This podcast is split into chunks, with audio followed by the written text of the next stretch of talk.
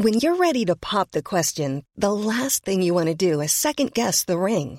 At Bluenile.com, you can design a one of a kind ring with the ease and convenience of shopping online. Choose your diamond and setting. When you find the one, you'll get it delivered right to your door. Go to Bluenile.com and use promo code LISTEN to get $50 off your purchase of $500 or more. That's code LISTEN at Bluenile.com for $50 off your purchase. Bluenile.com code LISTEN. Hey, I'm Ryan Reynolds. Recently, I asked Mint Mobile's legal team if big wireless companies are allowed to raise prices due to inflation. They said yes. And then when I asked if raising prices technically violates those onerous two year contracts, they said, What the f are you talking about, you insane Hollywood ass? F- So to recap, we're cutting the price of Mint Unlimited from $30 a month to just $15 a month. Give it a try at mintmobile.com slash switch. $45 upfront for three months plus taxes and fees. Promo for new customers for limited time. Unlimited more than 40 gigabytes per month. Slows. Full terms at mintmobile.com. Hey, it's Danny Pellegrino from Everything Iconic. Ready to upgrade your style game without blowing your budget? Check out Quince. They've got all the good stuff shirts and polos, activewear, and fine leather goods, all at 50 to 80% less than other high end brands. And the best part? They're all about safe, ethical, and responsible manufacturing. Get that luxury vibe without the luxury price tag. Hit up quince.com slash upgrade for free shipping and 365 day returns on your next order. That's quince.com slash upgrade.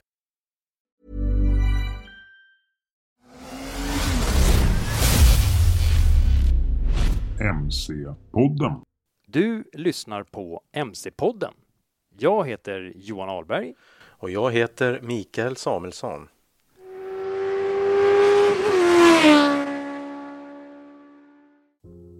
Jaha Micke. Avsnitt 5 av MC-podden. Jajamän. Eh, Vad, vad hände egentligen? Vad har hänt höll jag på att säga. Vad, förra avsnittet. Vad snackade vi om då? Vad hände då egentligen? Nej men eh, det var ju den här intervjun med Lars Klingsbo, grundaren av ISER då. Mm. MC-ambulanserna tänker du på. De här solstolsambulanserna höll jag på att säga. Som, ja, väldigt intressant. eh, Ja, och bra och, grej. och, väldigt, eh, väldigt eh, till stor nytta för de här eh, mödrarna i Afrika. Mm. Mm. Men sen var det ju lite nyårslöften, och fast egentligen var det lite före det. Det var ju lite, vi pratade lite om vad vi hade fått av tomten och lite sådär. Men nyårslöften som vi ska hålla. Fortsätta producera podden. I samma omfattning, jajamän. Och sen hade vi Gissa hojen också. Mm. Och så fick vi äntligen utlopp, höll jag på att säga. Vi fick äntligen snacka om eh, offroad-hojen Dr. Big. Ja. Eller det officiella namnet Suzuki DR750S. Just För att vara korrekt. Ja. Men smeknamnet Dr. Big. Ja. Och sen snackade du med Annie då inför Dakarrallyt. Mm, precis. Hon eh, deltog ju där för tionde gången i ordningen och eh, ja, eh, vi kommer snacka lite mer om Dakarrallyt här lite längre fram i podden. Så, men först då, i det här avsnittet, vad, hur ser det ut? Ja men eh, jag vet ju att eh, du har varit och träffat eh, Mattias Särnholm. Mm. Ehm, för att beskriva vem Mattias Särnholm är för de som inte vet så Jonny och Mattias eh, var ju med i Room, Room Service-serien och även i Sofias Änglar. Mm. Ehm, och sen så har han ju då eh, en produktion med den här Helvetesresan.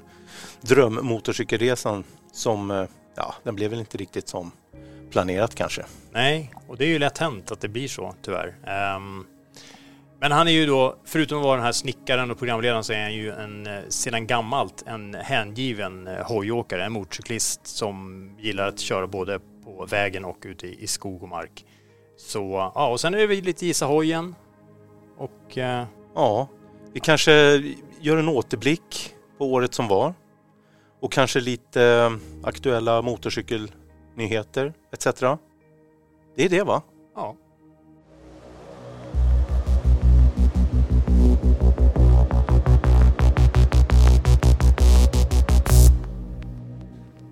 Ja men Micke, jag tänkte vi kan väl ta upp lite saker som faktiskt har hänt här på sistone. Sen förra avsnittet av MC-podden. Bland annat så har ju Dakarrallyt körts och eh, de har ju gått i mål. I närmare bestämt i söndags, 15 januari, så körde ju den argentinske KTM-föraren Kevin Benavides i mål som segrare av 2023 års Dakar-rally.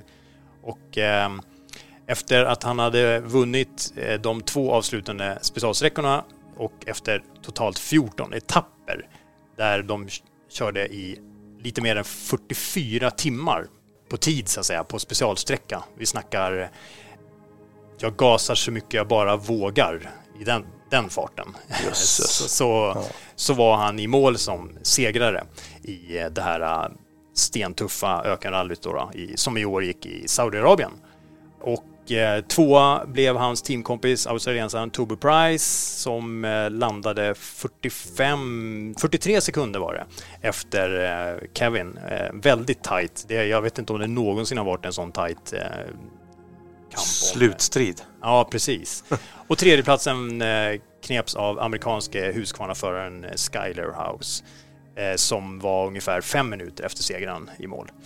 Men vi hade ju även eh, svenskt i racet. Ja, man blir väldigt nyfiken på hur gick det för Annie Sil? Ja, ni som eh, hörde avsnitt fyra kanske minns att vi hade ett litet snack inför Saudiarabien, eller för Dakarrallyt i Saudiarabien med Annie Sil, eh, även känd som Ökenprinsessan, som tidigare kört rallyt eh, fem gånger med motorcykel och som i år deltog som kartläsare åt Annette Fischer i bilklassen T3 som är en sån här öppen klass där de kör, ja det, det är så här buggybilar för de som vet vad vi snackar om. Eh, en Yamaha YXZ 1000R Turbo Prototype.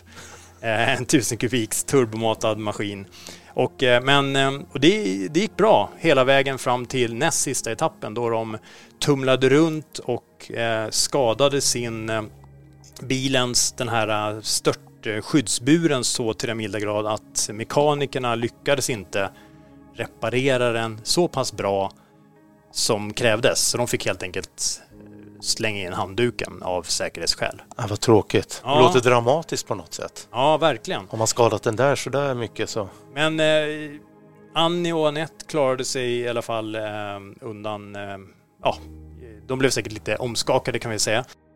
Men nu har det ju gått några dagar sedan målgången där i Dakarrallyt och eh, Annie vi har fått tag på henne på telefon så jag tänker att vi, vi, vi, hör vad hon har att säga helt enkelt. Ja, hon är väl på hemmaplan? Ja, hon har kommit hem nu precis. Ja. Så att, eh, vi har fångat henne, så häng med här för att höra vad hon har att säga.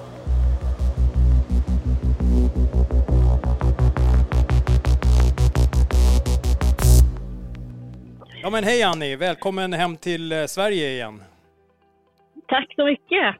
Och eh, eh, grattis, även ifall det inte blev en målgång så var det ju en fantastiskt fin eh, insats. Eh, det, ni, ni ska säga, ja, jag ska inte säga att ni föll på målsnöret, men det var ju nästan lite så tycker jag. Det känns lite som det. Jag är ändå jag är själv väldigt nöjd och stolt med min, med min insats och kände att allt, allt som jag gjorde och bidrog med har varit av högsta kvalitet. Jag känner mig som ett riktigt proffs faktiskt. Mm. Så sen hände saker på vägen. Ja. Berätta mm. lite kort, vad var det som hände där den, eh, på trettonde etappen, det var näst sista etappen? Ja. Jag kan börja lite tidigare. Jag kan mm. säga att Dakarrallyt, eh, alltså det var ruskigt tufft. Det började redan eh, sträcka ett. Och man märkte att jäklar, nu, nu har de lyssnat på alla som tyckte att det var lite för lätt. För de, de första fyra dagarna var helt brutala. Eh, och det märktes ju, många topp, toppförare, toppteam led ju. Det var ju toppförare som kraschade både på motorcykel och eh, i bil eller körde punkteringar och tappade mycket tid. Så Va, det, var, det var verkligen tufft. Förlåt, på, på vilket sätt var det liksom extremt, man ska säga? Var det långa dagar det, eller var det, det var, extrem precis, terräng? Det var både och. Det var både direkt långa sträckor. De brukar, förut har de alltid mjukstartat lite för att alla ska komma in. Men nu var det direkt liksom över 40 mil supertuff special. Och det är ju verkligen bara offroad. Det är sand, det är sten, trialkörning, det är tuffa sanddyner som har regnat så sanden är otroligt tung och det sliter väldigt mycket på maskinerna. Mm. Så att eh, bara mjuktorr sand är jobbigt i sig men sen är den blöt, det, det är riktigt tufft för maskinerna. Så ja, det var, det var hård, uh, hård start för allihopa. Ja. Och vi kände ju också, körde ju punka där och sen gav vi bort ett hjul till en eh, teamkollega i Yamaha-teamet. Och han hade tre punkar och sen fick vi eh, ytterligare en punka och var tvungna att ta tillbaka ett hjul och fixa ett extra hjul till teamkollegan. Ja, det var mycket liksom att rädda teamet. Mm.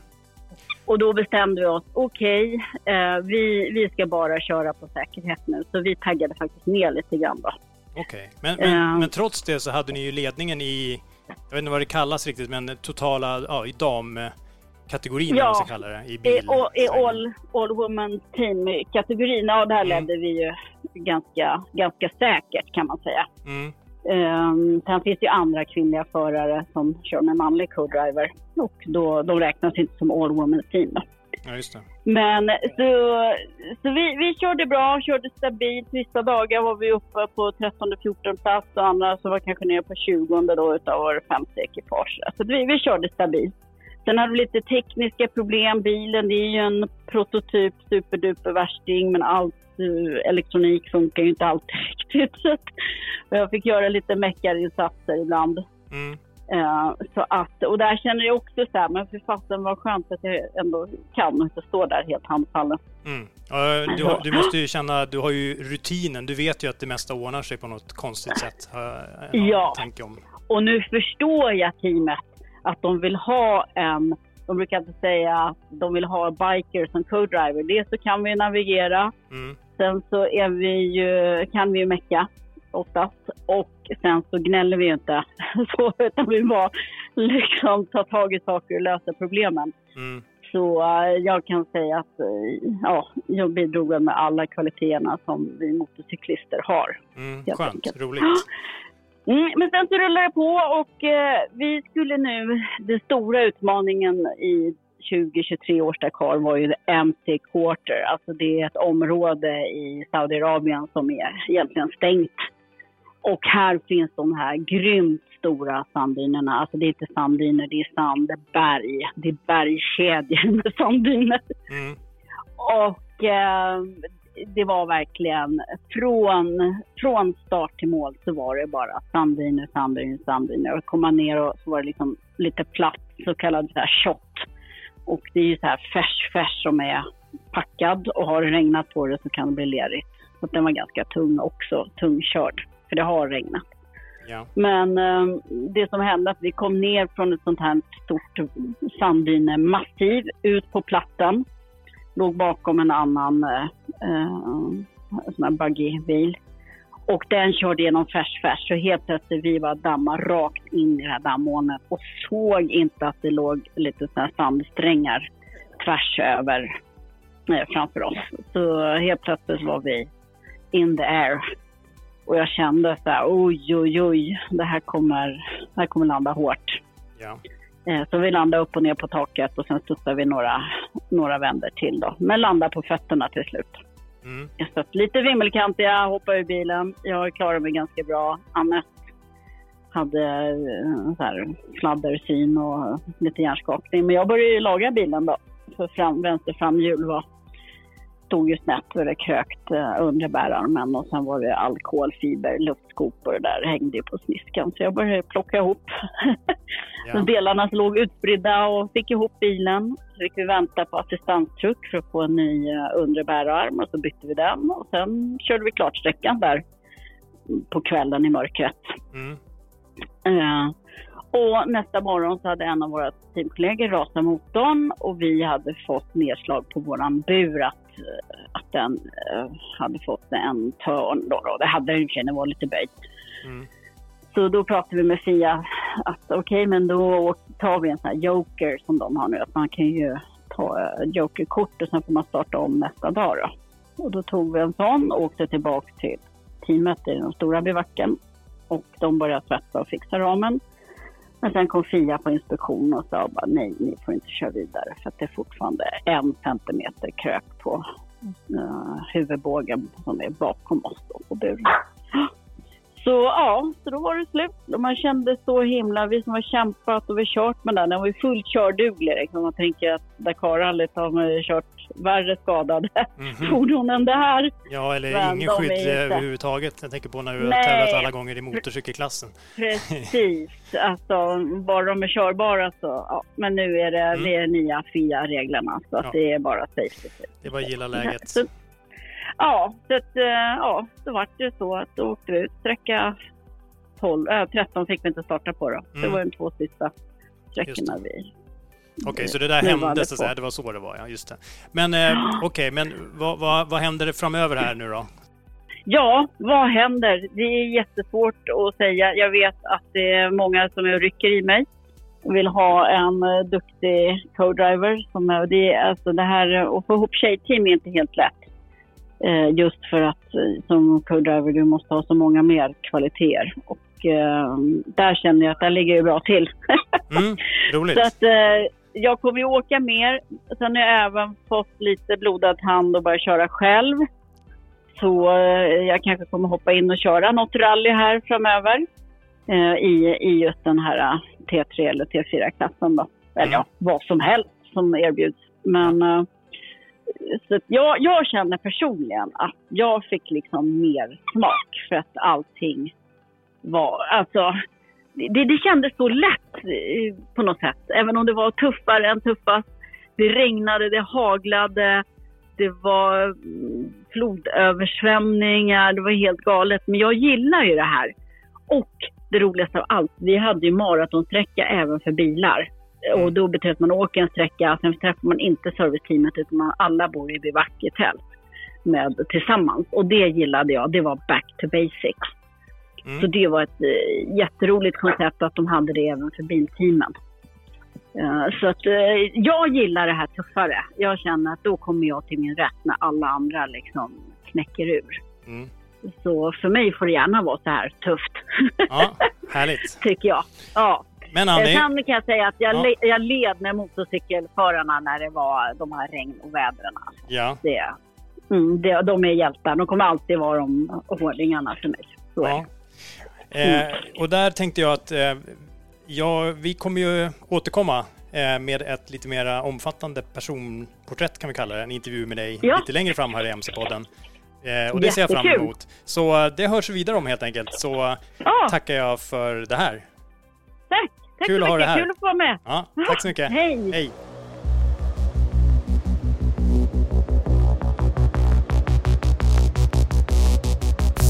Nu kanske det är dags för ett eh, Gissa hojen-klipp Johan. Vi har ju kört eh, tre gånger nu så det här blir det fjärde klippet. Mm.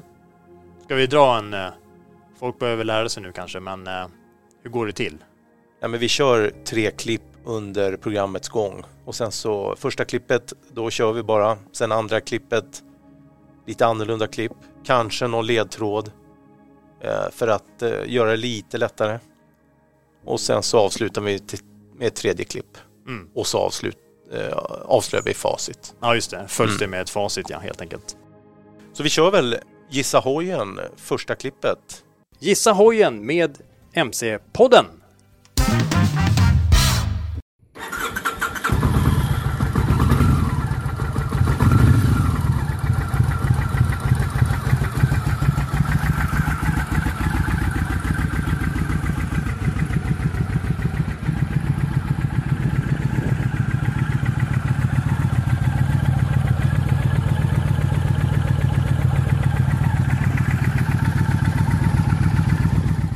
Ja, där hörde vi första klippet i Gissa hojen och eh, ja, vad ska man säga om det här klippet? Vi säger inte så mycket nu Nej. utan vi, vi, Vi väntar till klipp två. Ja. Så... ehm, nej, men eh, det känns väl som att det är dags att, höra lite mer om eh, vår kära gäst Mattias Särnholm. Ja, och du hade ju en liten teaser på Instagram och Facebook va? Mm. Och där det var lite att man skulle gissa eh, avsnittets gäst. Precis, lite grann som Gissa hojen. Gissa gästen. Ja, precis. Ja. Men eh, jag tycker vi släpper in Mattias här.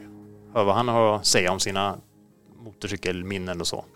Definitivt. Varsågoda, här kommer Mattias Särnholm.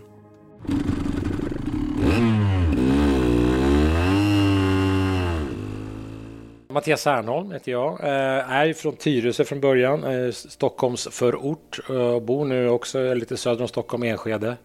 Ehm, jag har varit snickare egentligen hela mitt liv. Ehm, all, från allra första början var snickare, men snubblade in i början på 2000-talet på att göra lite TV. Så just nu har jag jobbat med TV i 20 år, lite drygt. Men jag vet att förutom att vara programledare för en massa olika tv-program mm.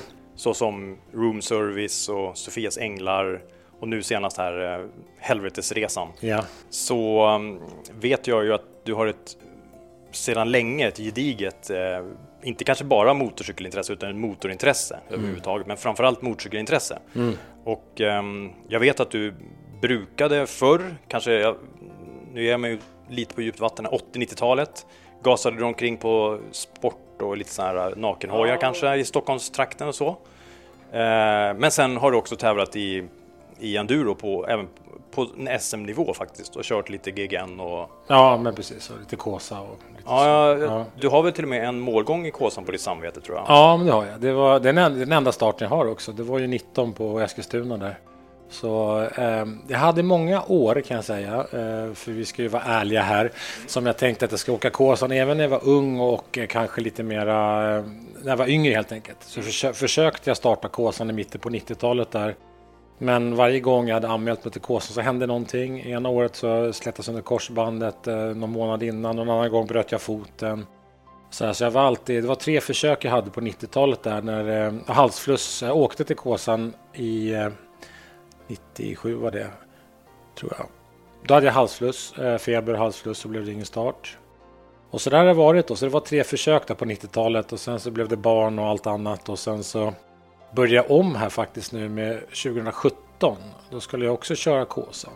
Och då, eh, då eh, lyckades ju förstöra någonting i kroppen, jag kommer inte ihåg vad det var. 2018 eh, likadant, var anmäld till Kåsan. Eh, tränade med Jocke Ljunggren som är Kåsakungen i Karlskoga hemma hos honom. Eh, det här var tre veckor innan start. Och då skulle också faktiskt SVT göra någon sorts eh, grej med att de skulle följa mig som eh, första gången i Kåsan motionär och Albin Elofsson då som elitåkare. Skulle de följa oss två så det var ett SVT-grej där som skulle göras. Och tre veckor innan jag tränade med Jocke så eh, vurpar jag på väg hem efter att vi har kört i 5-6 timmar mitt i natten där och eh, får en spricka fraktur i hela bäckenbenet. Eh, så var det ingen kåsa. Ring, då ringer SVT och säger nej jag har skadat mig. Det är tyvärr det är som vanligt. Det är femte eller sjätte gången det här händer. Och då var de typ arga på mig SVT. De var skitsura. Så här, nu har ju vi förberett det här. Så någon på SVT Sporten skulle vilja prata med om det där, för de var typ arga på mig för att jag hade skadat mig. Jag bara, ja men det är en sån idrott, jag kan liksom inte styra över det här. Typ som att det var mitt fel att jag gjort mig illa. Så det var lite roligt att SVT blev arga där. Men ehm, ja, och sen på den vägen är det. Eh, och sen var det efter det 2019 så kom jag till start och gick i mål. Så det var skönt. Men eh, så det har varit så att Kåsa-spöke som eh, jag äntligen fick göra upp med. Jag vet ju, jag eh, kanske landar fel med att säga att du är en känslosam människa, men hur kändes det när du gick i mål? Jo, jag är, känslo, jag är, jag är känslosam och äh, det, var, det var fint för att det har varit så många försök med Kåsan och för mig eh, tycker jag Kåsan är det finaste och coolaste man kan göra på motorcykel. Det är ju en väldigt, väldigt speciell tävling och och eh, jag känner många som har kört Kåsan och jag har för, trott att jag förstått vad det innebär att köra en Kåsa. Men att få göra det själv då och sen släpa sig i mål så, så blev det väldigt känslosamt. Så det, jag grät ju när jag stod på, på eh, målrampen där. Eh, då kom tårarna för då var, jag, då var jag så jävla lycklig liksom att det var gjort. Och man hade sin lilla fula peng, den är inte större än en, så här, en tvåkrona liksom. Men den, eh, den finaste grejen jag vunnit någonsin, det är mm. den lilla Kåsa-pengen där. Ja, jag håller med. Så att det, är, det är en fet känsla. Men hur, skulle du säga, hur började det hela egentligen? Med framförallt motorcykel? Jag vet inte. Jag har, alltså, motor och motorcykel, allting har ju funnits med forever hos mig. Jag var väl en superklassisk pojke som lekte med bilar och motorcyklar, sandlådan och på den vägen ner. Och, och, eh, nej, det, alltså, det finns en liten berättelse också om när jag var fyra år. så lekte jag Rally Pettersson som jag kallar honom när jag var liten. Inte Ronny Pettersson, utan Rally Pettersson. Så jag springer runt med min hockeyhjälm på mig hemma i lägenheten i, i Graningsringen och kutar runt där och skriker antagligen så här, bara låter, låter Formel 1 helt enkelt. Fram och tillbaka, köket, vardagsrummet, vänder, bara kutar där. Och brorsan som är ett par år äldre sitter och tittar på TV. Jag har fått för mig att han kollar på någon form av tennis, att det var någon sorts Wimbledon eller någonting där. Det var säkert Björn Borg som spelade. Vi får kolla upp det.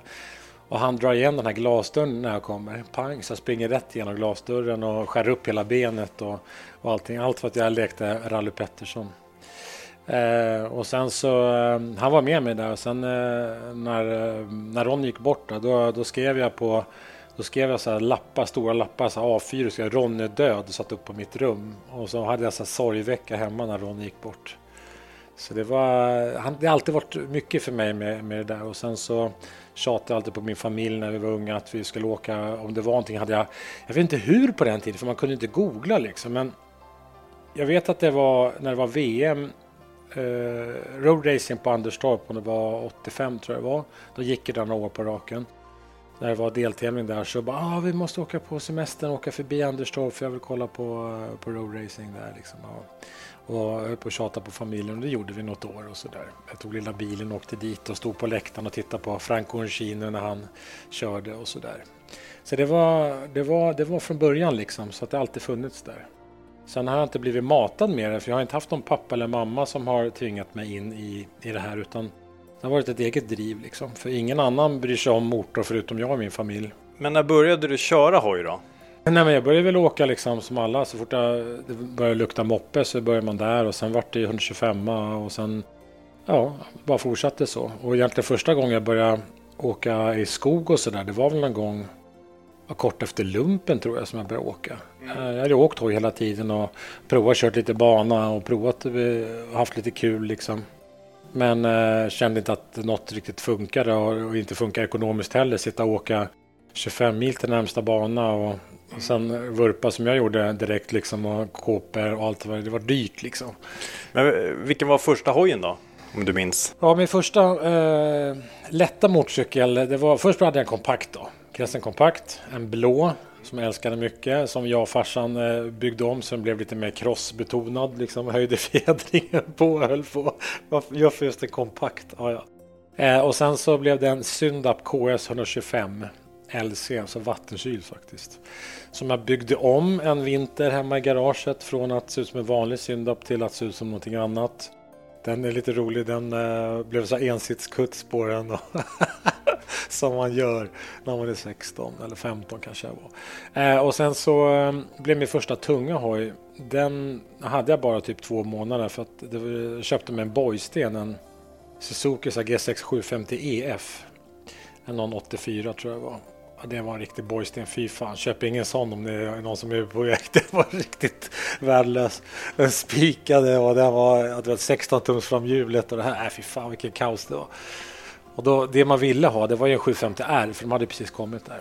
Så då eh, fick jag fatt i en 750R. Det var en kompis ute på Djurö som hade köpt den så hade haft den något halvår. Så köpte jag den eh, och då var då det liksom hände på riktigt liksom. Fan 750R det var ju nytt och det fetaste, coolaste då. Det hade bara funnits något år på marknaden. Så det var, det var lite härligt. Och sen blev det 1100 R och sen blev det... Ja, så det har på. Mm. Men sen någon gång efter eh, Blumpen där så var det väl slut på, på gatåka och försöken på bana och sådär. Och sen eh, blev det skogen. Mm. Då blev det enduro och ja, SM och hela kittet? Ja, lite cross först i början. Köpte väl någon eh, Honda så här CR250 89 där kommer jag ihåg, som var ute och drog och fulåkte ute på Järvafältet. På den tiden var det inte så mycket där ute på Ursvik och sådär. Det var ju tomt liksom i skogarna. Så då var vi ett busgäng som var ute och drog i skogarna och tyckte att det var rätt kul att friåka eller vara i skogen och åka, inte bara på en crossbana liksom. Så då, just enduro finns ju också. Så började man sakta men säkert snegla på det där. Och sen blev det lite, sen blev det lite tävlingar och grejer på ja, mitten av 90-talet där så tävlade väl på så att säga med mycket skador och mycket arbete och sådär som det är när man är ung och försöker hinna med allt. Men jag tänker, vad skulle du säga är det absolut bästa med motorcyklar? Vad är det som har gett dig mest liksom, när det gäller motorcykelåkningen eller körandet? Det, Ja, men jag vet inte. Det är väl någon, det är någon så här, um, något sorts... Den känslan är att, att sitta där. Uh, jag tror att nästan alla stämmer in på det här. Det, det är inte bara för mig, men det när man sitter på motorcykeln och kör, oavsett om du kör landsväg eller mosar på i, kör enduro på någon SM-nivå i skogen så är det någon sorts frihetsgrej som, mm. du, som, du, eh, som man slås av. Det är eh, att man, man förstår någonstans långt där inne i hjärnan att det här borde man inte göra för att det inte är helt sunt. Mm. Men samtidigt så är den här känslan av att ha kontroll över det, här, över det här läget man är i att försöka vinna över det och att få den här feelingen, liksom att man, man kan mosa på och man kan nästan känna sig lite oövervinnlig när man känner att man liksom kommer upp i en viss tempo, en viss nivå. Så där. Och det, det är en skön känsla att få. Och eh, jag kan bara föreställa mig hur alla, alla värstingar där ute känner sig när de är bäst i världen på att köra motorcykel. Liksom. Att den här, eh, det måste vara en väldigt speciell känsla att känna så att ja, jag är faktiskt världens bästa på att köra på två hjul så fort det bara går. Antingen om det är asfalt eller eller vad det nu är. Så måste, den känslan, man får en liten förnimmelse av den där känslan att man är oövervinnlig. Och det är väl det som är häftigt när man tävlar. När man åker landsväg så är det bara så fantastiskt härligt att känna sitt land liksom med kyla och allt. allt. Man, får, man, får, eh, man får allting i, hundra procent på något sätt. när man sitter där i regn och rusk och solsken och koskit och flugor och allt vad det är. Så, så man lever helt enkelt. Hur skulle du då se hur, ser en perfekt motorcykeldag ut för dig och vad kör du för hoj? Ja, men just nu känns det väl nog som att en perfekt MC-dag för mig är att uh, lasta enduron, uh, sticka iväg med lite kompisar, uh, köra enduro. Ska vara lite så här lite, det får inte vara för varmt, kanske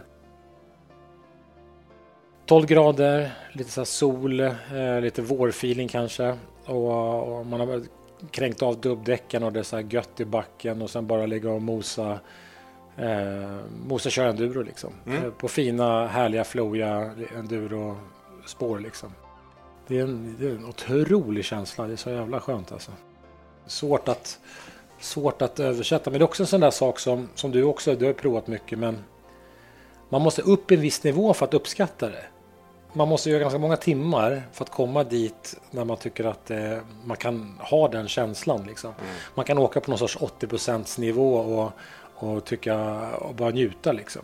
Man poppar över små hål, hoppar lite, kommer en rotparti, man skippar över. Och, ja, det är en skön känsla men då kostar några timmar att komma dit. Men jag tänker, eh, när vi var inne på det här med perfekt MC-dag. I, I det här tv-programmet som är aktuellt nu mm. och som har varit i en tid här nu, eh, Helvetesresan. Mm. Så får vi ju följa med, med dig då du drar ut på vad som var planerat att bli din drömresa mm. med goda vänners eh, sällskap och sådär. Men istället så blev det något helt annat. Berätta lite så här kort, vad, vad var det egentligen som hände? Eh, för de som Nej, inte har sett. I Helvetesresan så är det ju, det var på riktigt som det är på, på, som den visas. Att jag har gått och tänkt och funderat mycket på och göra en lång tur, för det har jag faktiskt aldrig gjort förrän jag gjorde Helvetesresan. Och, och ehm, jag ville bara komma iväg liksom. Jag kände att jag ville åka, göra någonting. Jag hade haft, jag har haft stora planer. Och jag, vi är ju känt från ganska många år nu vid det här laget. Och du vet att jag har gått i tankarna om att försvinna iväg, liksom åka adventure liksom någonstans. Även på andra kontinenter.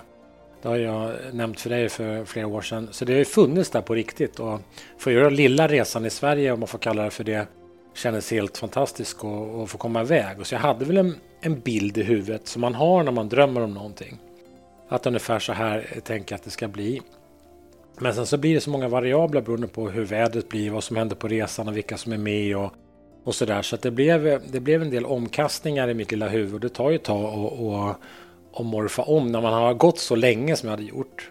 Man kan säga så här, jag pratade om det med, med Stina, min sambo, så här att man blir så här, man funderar på sig själv när man gör en sån här grej och så klipper man ihop det och man, och man ser så här, men man är inte helt perfekt alltid, det är ju ingen person, inte ens jag. Och man märker så här, jag är lite väl envis emellanåt, eh, vilket är en superkraft i många lägen när man kanske ska köra en kåsa. Det är bra att vara envis, ha tunnelseende och bara göra det, men ibland måste man ju bara liksom släppa det där. Så, så jag håller på att träna på det fortfarande, 53 år gammal. Men eh, det är vissa projekt. Jag funkar så här att som helvetesresan, när jag har bestämt mig för någonting så, så blir jag otroligt envis och vi, alltså, vill verkligen till vilket pris som helst genomföra och göra det. Det är inte så när jag går på ICA och handlar, då är jag inte särskilt envis. Då kan jag stå och vänta i en kö eller så. Det spelar ingen roll. Liksom. Men när man har ju bestämt sig och ställt in sig och huvudet under så många år och så många timmar har varit så här. Eh, man har liksom ställt in spakarna på en viss sak. Och man har gjort det, man har satt upp ett mål i huvudet. Då är det mycket som det måste hända ganska mycket för att man ska vika av från den leden. Det är svårt att förklara, det är väl någon form av vinnarskalle man har liksom.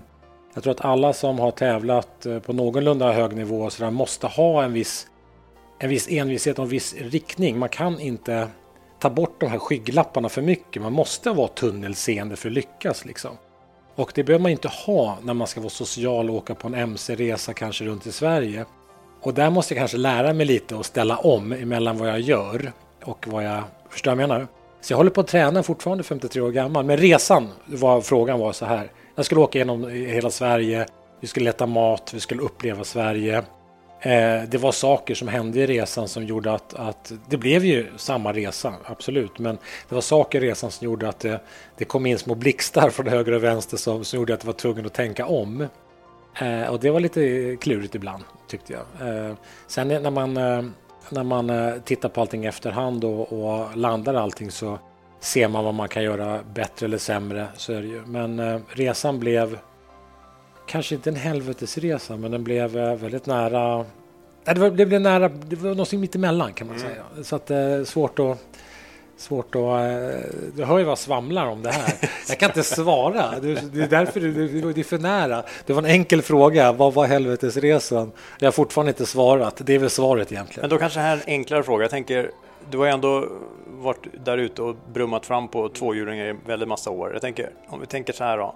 Eh, någon gång under 80-90-talet eller någonting, eller senare, måste du ha varit med om någon riktigt roliga så här, anekdoter, någonting du kan berätta, någon riktigt kul MC, något kul MC-minne.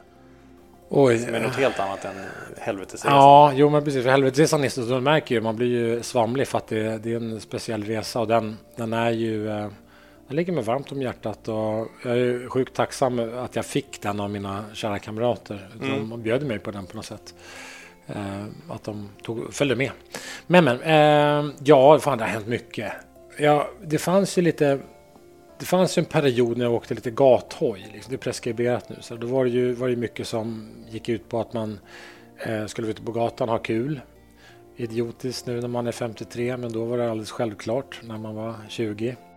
Så, där, så då vet jag att vi... Eh, det var, det var ett, par, ett par legendarer, jag kanske inte ska namnge dem, men det var ett par legendarer inom gatåkargänget. Så skulle vi ha bestämt oss att vi skulle slänga upp våra tjejer vi hade på den tiden och åka till Skara Sommarland.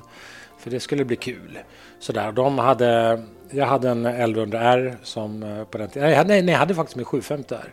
Och de hade varsin 11, 1100 Katana.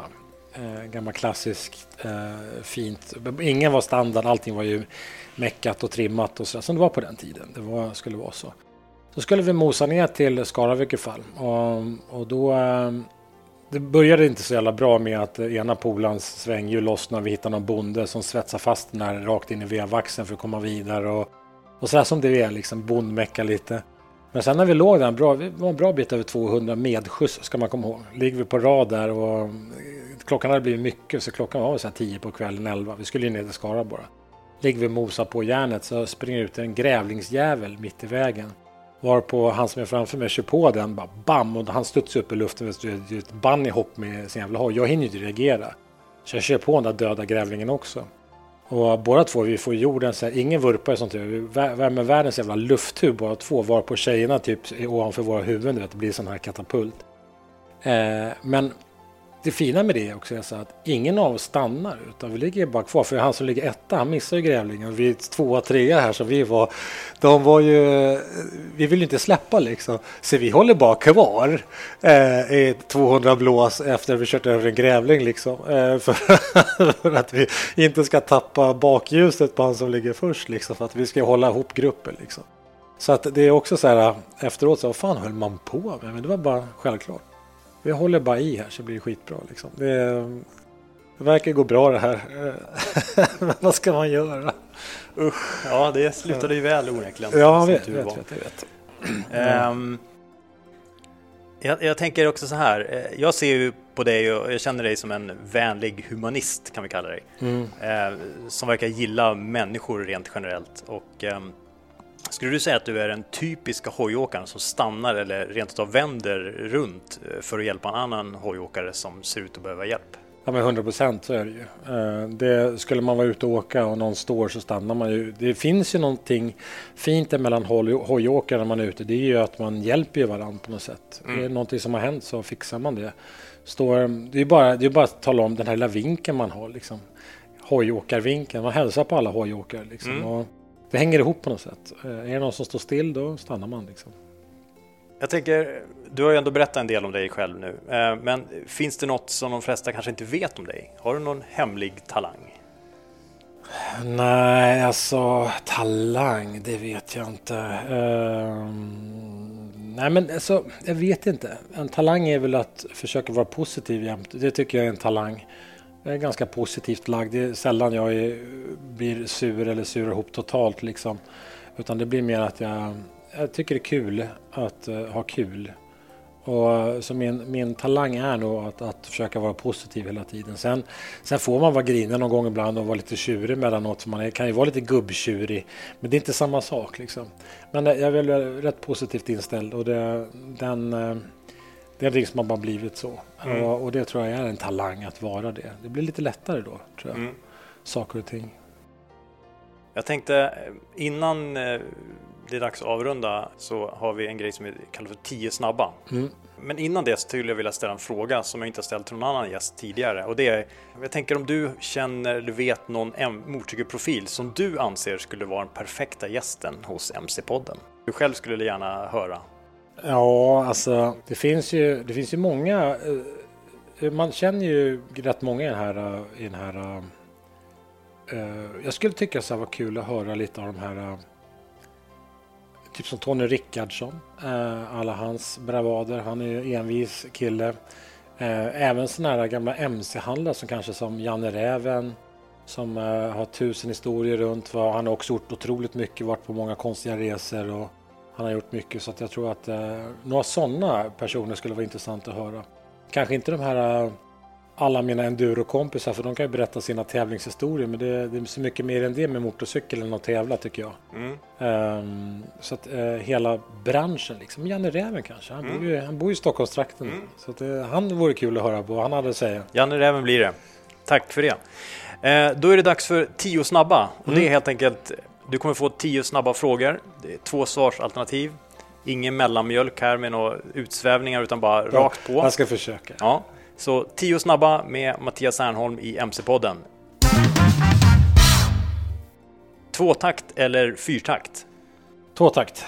Bensin eller el? Bensin. On eller offroad? Eh, off. Kick eller elstart? Elstart. Stark eller smidig? Smidig. Enkelkuts eller bönpall? Bönpall. Skinn eller textil?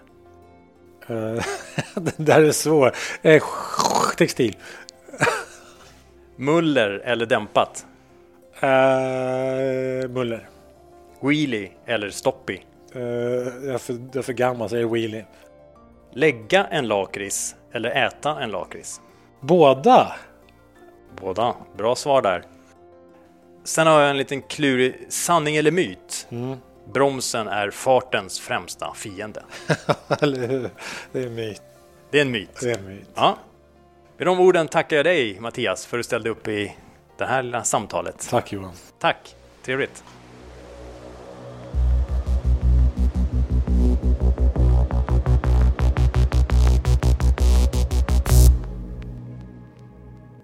Ja Micke, där eh, fick vi lära känna Mattias Särnholm lite mer som eh, den hojåkare han är, inte bara som programledaren och snickaren från TV. Det är så kul att höra alla profiler som vi har med i det här programmet. Höra deras eh, motorcykelberättelser. Mm. Det blir ju, man kan ju relatera till mycket som motorcyklist men nej, det är fantastiskt. Det blir Ja. det är jättekul att höra. Alla har sina stories. Jag, jag tycker det är lite roligt ändå för att vi härjade kring här i, i Sverige, framförallt i Stockholmsregionen under liksom samma eh, storhetstid kan vi kalla det där i, i under 90-talet och det var väldigt mycket som hände med alla det var allt från street race till, ja men det var en väldigt aktiv period med mycket onsdagsträffar på Sveavägen utanför McDonalds och det var Brostugan vid Drottningholm.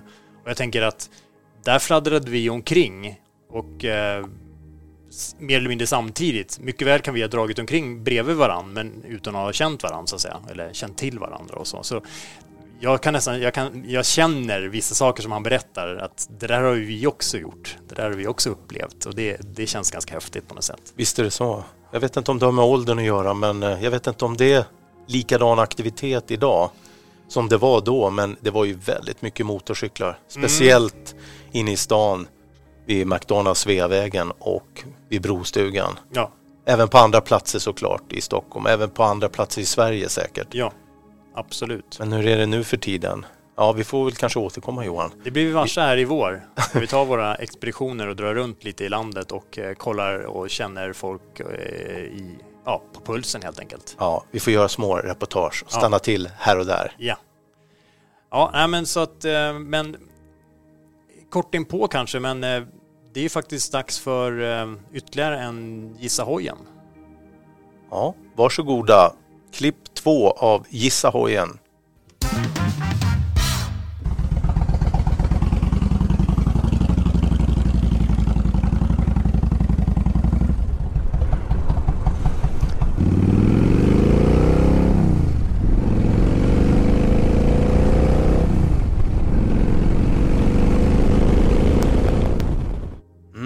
Det var det klippet Johan, andra klippet. Då är ju frågan, har du någonting eh, att avslöja om denna hoj? Ja, lite grann så här att... Eh, Man hör ju att det är lite... Luta dig tillbaks och eh, häng med. Liksom, glid fram genom livet skulle man kunna säga. Det kanske ger en liten ledtråd. Man hör ju att det, det mullrar ju Det är stort och maffigt. Ja. Det räcker så tycker jag. Tycker du det? Ja. Jo, jag tycker också det. Eh, Johan, du har ju dragit eh, lite nyheter kring Dakarrallyt. Men i övrigt då, lite generella nyheter så här i början på året. Vad har du för något att säga? Finns det något positivt att säga i den här äh, relativt negativa världen med ökade kostnader, ökade bränslepriser, ökade räntor? Coviden som härjar fortfarande. Mm. Har du några positiva nyheter? Jag, jag, jag, noterade en grej, bland annat att det, det, var vid flera tillfällen så var det flera företag som erbjöd 0 ränta om man köpte en motorcykel innan årsskiftet. Det tycker jag var, det var en, ett, ett bra drag som eh, säkert genererade lite extra försäljning inför nyår för att liksom hålla igång hjulen så att säga. Så det tycker jag var bra. Eh, Men har det, ja, vad kan du säga, vet du något om försäljningssiffror? Ja, eh, och det, jag har inte samlat in från alla, utan, men de jag har eh, siffror på är ju bland annat att eh, Ducati, då, italienska eh, tillverkaren Ducati, avslutar ett, kan säga ett extraordinärt år då de sålde närmare 62 000 motorcyklar över hela världen. Vilket är det bästa försäljningsåret någonsin för den italienska tillverkaren. Eh, en ökning med 3,6 procent jämfört med 2021 och detta då trots den globala problematiken med, ni har säkert hört det, det har varit komponentbrister, sådana här det har varit halvledare tror jag. Ja, sånt där. Ja, men det har ju varit förseningar på det mesta. Ja, och det har varit logistik leveranser. och leveransproblem med massa saker och sånt. Och i det här fallet då så var det Multistrada V4, för den som är lite nördig här nu. Så det var den populäraste Ducatin med mer än Eh, 10 000 motorcyklar levererade över hela världen. Och samtidigt då så ökade Ducatis återförsäljarnätverk till eh, rekordmånga 821 återförsäljare över hela världen. Eh, och samtidigt då så Peter Mobility AG, det österrikiska moderbolaget till bland annat KTM, Husqvarna och Gasgas, de har faktiskt haft, de hade sitt rekordår, tolfte rekordåret på raken. De har bara ökat, ökat, ökat i 12 år på raken nu. Och um, förutom då de här alla intäkter som var gigantiska. Vi pratar intäkter på över närmare 2500 miljoner euro. Så, vilket är en ökning med cirka 19 procent jämfört med året innan. Oh, eh, och de, vi snackar eh, nästan 376 tusen sålda motorcyklar. Så ehm, ja, det, det, det är häftigt. Och bara i Europa så var försäljningsvolymen cirka 130 000 motorcyklar. Och ehm, där då i Europa då så har vi även BMW Motorrad. Den tyska giganten som ehm, förutom då på motorcyklar, alltså totalt sett sålde de så sjukt mycket fordon över världen.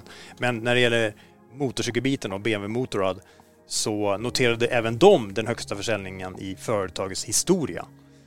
Så jag tycker det här är jättehäftigt och vi snackar alltså över 200 000 motorcyklar och skotrar för de har ju sin nya elskoter nu också som har sålt väldigt bra. Och eh, den provkörde vi tidigare förra året. Eh, det visade sig vara en, riktigt, eh, en riktig hit för, eh, för BMW då. Och ökning, där vi snackar eh, gentemot 2021 som också var ett bra år, så ökade de med 4,4 procent.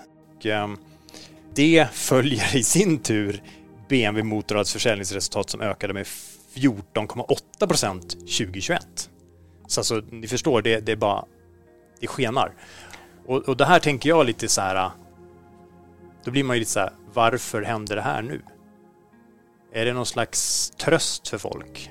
Alltså kan, kan, kan, vara en tröst, kan ju vara också att åka motorcykel är covidfritt. Ja. Eh, du, du kör ju där själv och du kan ju bege dig ut och mm.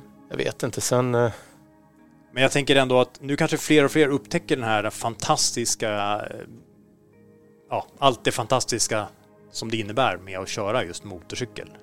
Och det handlar ju inte bara om att köra kanske landsväg, det kanske för en del, det, det, en del gillar att köra långsamt, en del gillar att köra snabbt. För en del är det någon slags adrenalinkick och medan andra då som sagt bara vill glida fram och lukta på blommorna.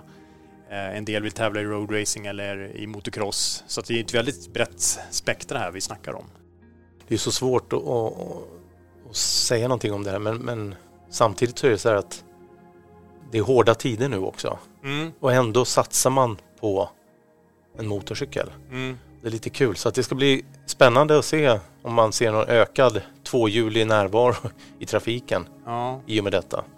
Tror att det kan vara på grund av det lite grann att det, det, det, har, det är någonting som slår tillbaks på just att ja, man tänker bensinförbrukning, att man tänker att det ska vara lägre eller ja, någonting kanske, sånt. Kanske, eh, eller, Billigare att åka hoj. Eller är det smidigare. smidigare?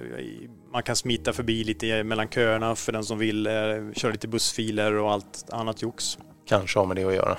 Men det är jätteroliga siffror Johan. Ja. Det är kul att höra. Det är extremt häftigt att få vara del av en eh, bransch som eh, går positivt framåt på alla sätt och vis. Och jag hoppas verkligen innerligt att vi även kommer att få se ett genomslag i år när det gäller eh, antalet personer som tar körkort för motorcykel. Ja men Micke, jag tycker vi gör så här att jag har ju snackat med Linus Lidalen på BMW Motorrad Eh, och eh, här får vi höra vad han har att säga om de fantastiska försäljningssiffrorna för BMW Motorrad och vad han tror ligger bakom de här försäljningssiffrorna rent generellt i motorcykelbranschen.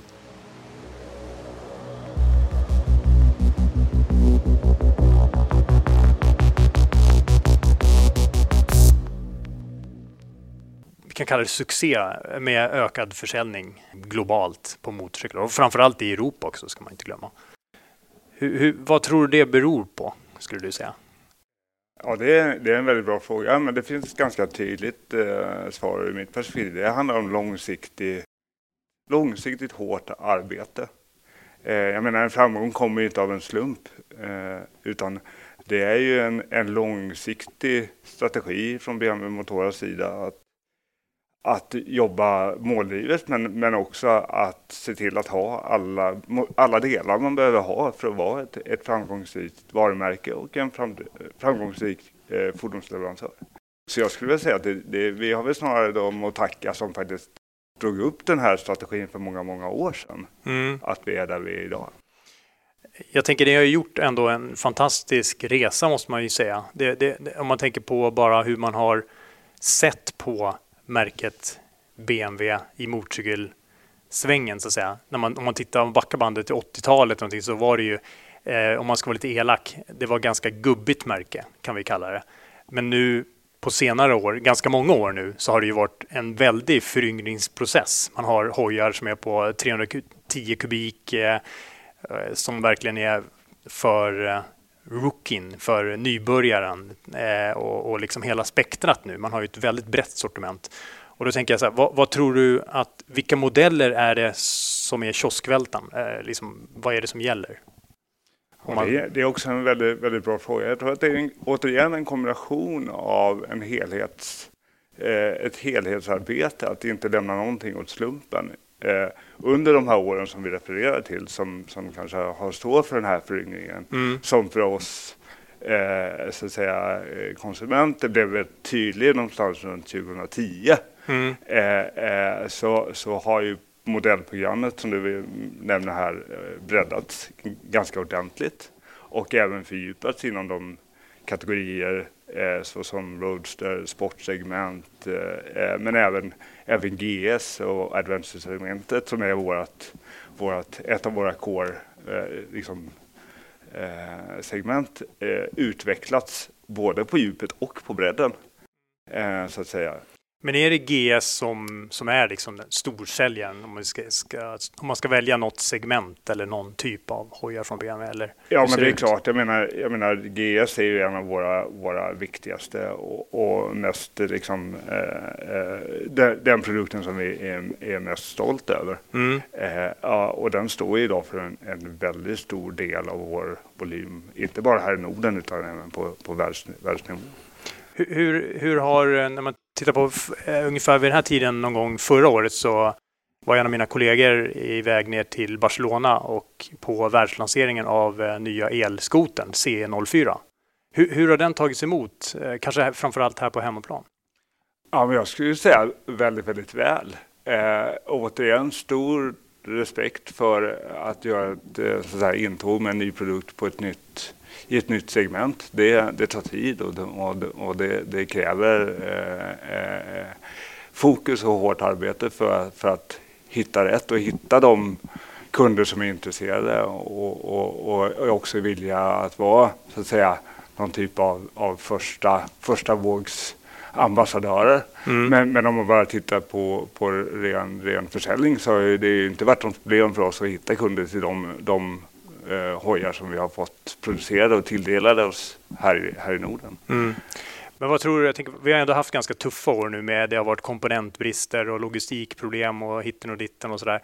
Och trots det så har vi de här rekordförsäljningarna. Va, va, liksom hur, länge, hur ser det ut framåt tror vi? Liksom, kommer det bara fortsätta och fortsätta? Vill bara fler och fler och fler köra motorcykel och framförallt BMW kanske? Ja, alltså jag tror ju det. Jag menar om man, bara som du refererade till här i början, över 200 000 motorcyklar, ställa upp dem på en parkering, det är, det är ganska många. Ja. Eh, men, men generellt så är vi optimistiska och jag tror att, tror att många är det. Vi såg ju i samband med den första kanske förändringsprocessen, vad man ska kalla det för, när, när coronan kom, kom till, till Norden också. Eh, så var det nog många, inklusive vi, som, som frågade oss själva ganska mycket om oj, hur ska det här gå och i vilken riktning. Men vi såg ganska fort att, att vi har ju en väldigt trogen community av motorcykelentusiaster i det här landet. Eh, det är en stark marknad och jag tror någonstans ändå att vi kommer se eh, ganska många motorcyklar både nya och begagnade på vägarna även, även i år och kommande år framöver. Eh, men vi har ju också lärt oss med det här att vi vet ju inte riktigt vad som ska hända. Så det gäller ju också från vår sida när det gäller tillgång och erbjudande och, och, och, och service att, allt, att vara på tårna och, och, anpassningsbara efter det som kan dyka upp. Liksom. Ja, men vad bra, det låter ju fantastiskt tycker jag.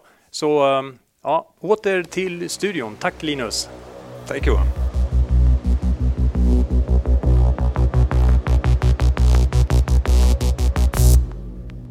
Och där hörde vi vad Linus hade att säga om det. Och eh, ja, intressant ja. att få höra lite fakta inifrån. Absolut.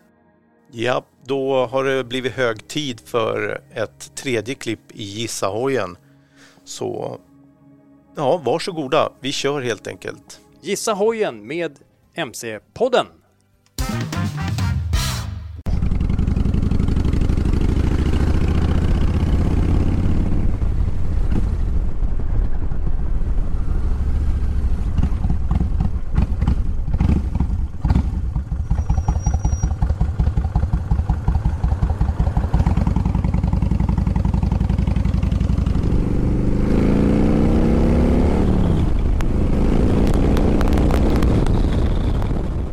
Ja, det var det tredje och sista klippet i Gissa hojen. Och eh, Johan, du sa lite grann, eh, lite ledtrådar efter andra klippet. Men vad kan du säga nu då innan du avslut, avslöjar facit? Ja. ehm, Vilket, någon- vilket land kommer motorcykeln ifrån? Var är den tillverkad någonstans? Ja, det kan vara Japan.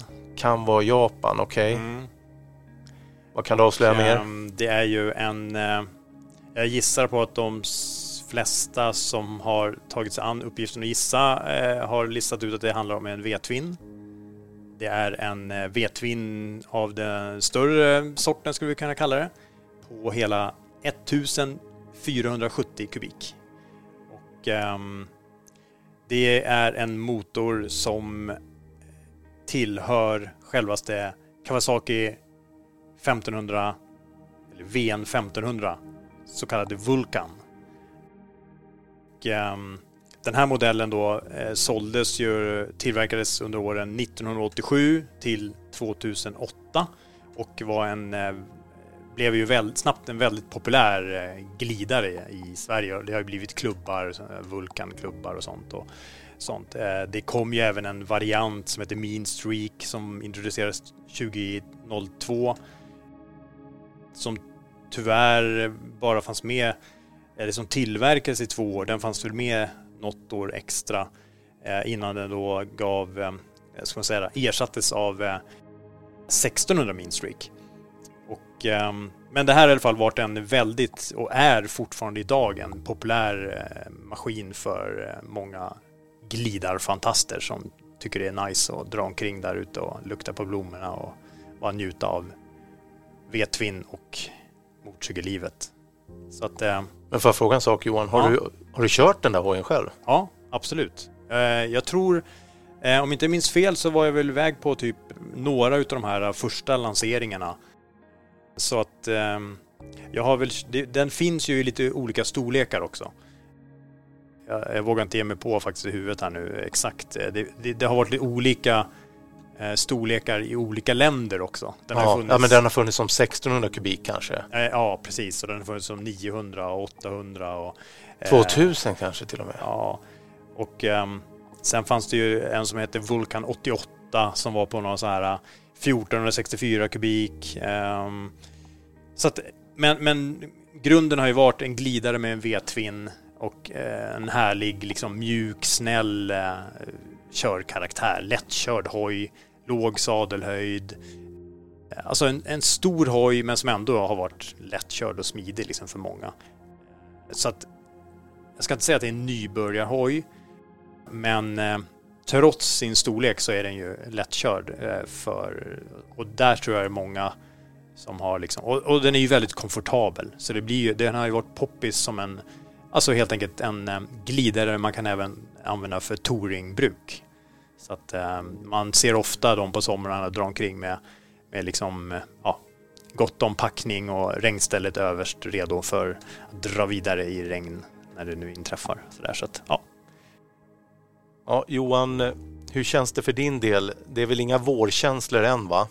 Men och, och, jag vet inte ens om man märker att vi går mot ljusare tider. Inte riktigt än, men får du någon Fast- vårfeeling? Jo, men alltså ehm, i år har det inte blivit så himla mycket hojåka under vintern så att eh, efter att under många år ha kört året om. Men ehm, jag tänker ju ändå mycket nu på vad liksom hur jag tänker mig att eh, året ska bli på två hjul så att säga. Så att jag har redan lite sådana här lösa planer på vad jag vill göra Eh, i motorcykelväg den här eh, kommande säsongen. Och där tror jag väl lite grann att jag, jag skulle nog vilja slänga ut ett litet tips där då att man om man nu inte redan har gjort det inför vintern så kanske det är läge att börja se över sin hoj. Det är ju som du säger inte vår än men det kan ju vara ganska smart då ja, helt enkelt kanske boka verkstadstid om man behöver det eller gör, om man nu sköter det själv, vad vet jag. Att man gör de där preppgrejerna som man kanske ser över hojen, jag vet inte, kanske är dags att byta däck eller lite service eller whatever. Eh, eller om du kanske minns nu att ja, det kanske faktiskt är läge att titta över den där hjälmen. Kanske är, den kanske inte var så skön eller bra längre. Eller vad det nu kan tänkas vara för något. Och sen inte minst snacka med dina polare och börja planera för sommarens utflykter och träffar och kanske rent av en, en härlig semesterresa till eh, Nordkap eller någonting annat, vad vet jag.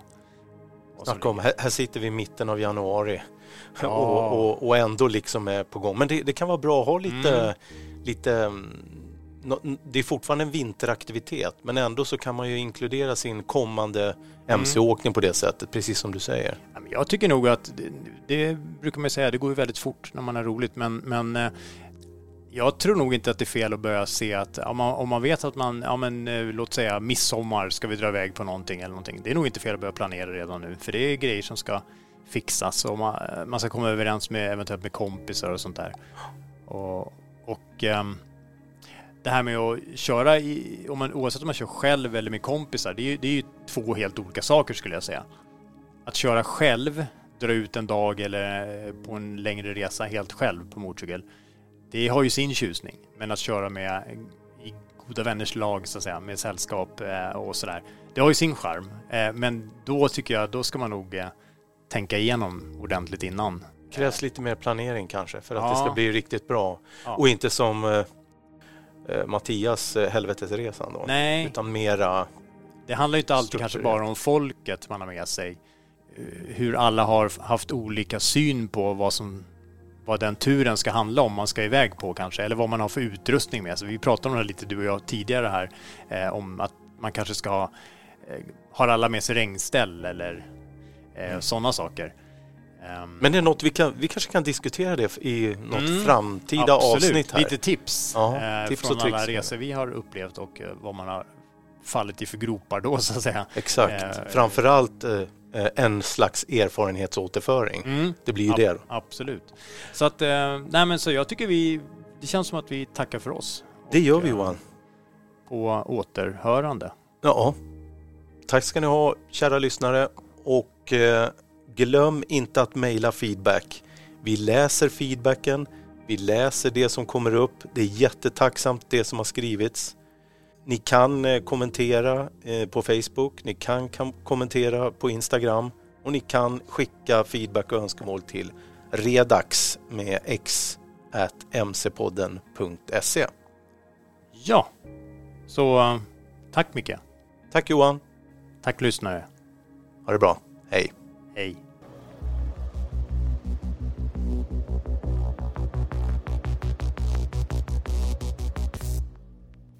Du har lyssnat på MC-podden. Jag heter Johan Ahlberg. Och jag heter Mikael Samuelsson.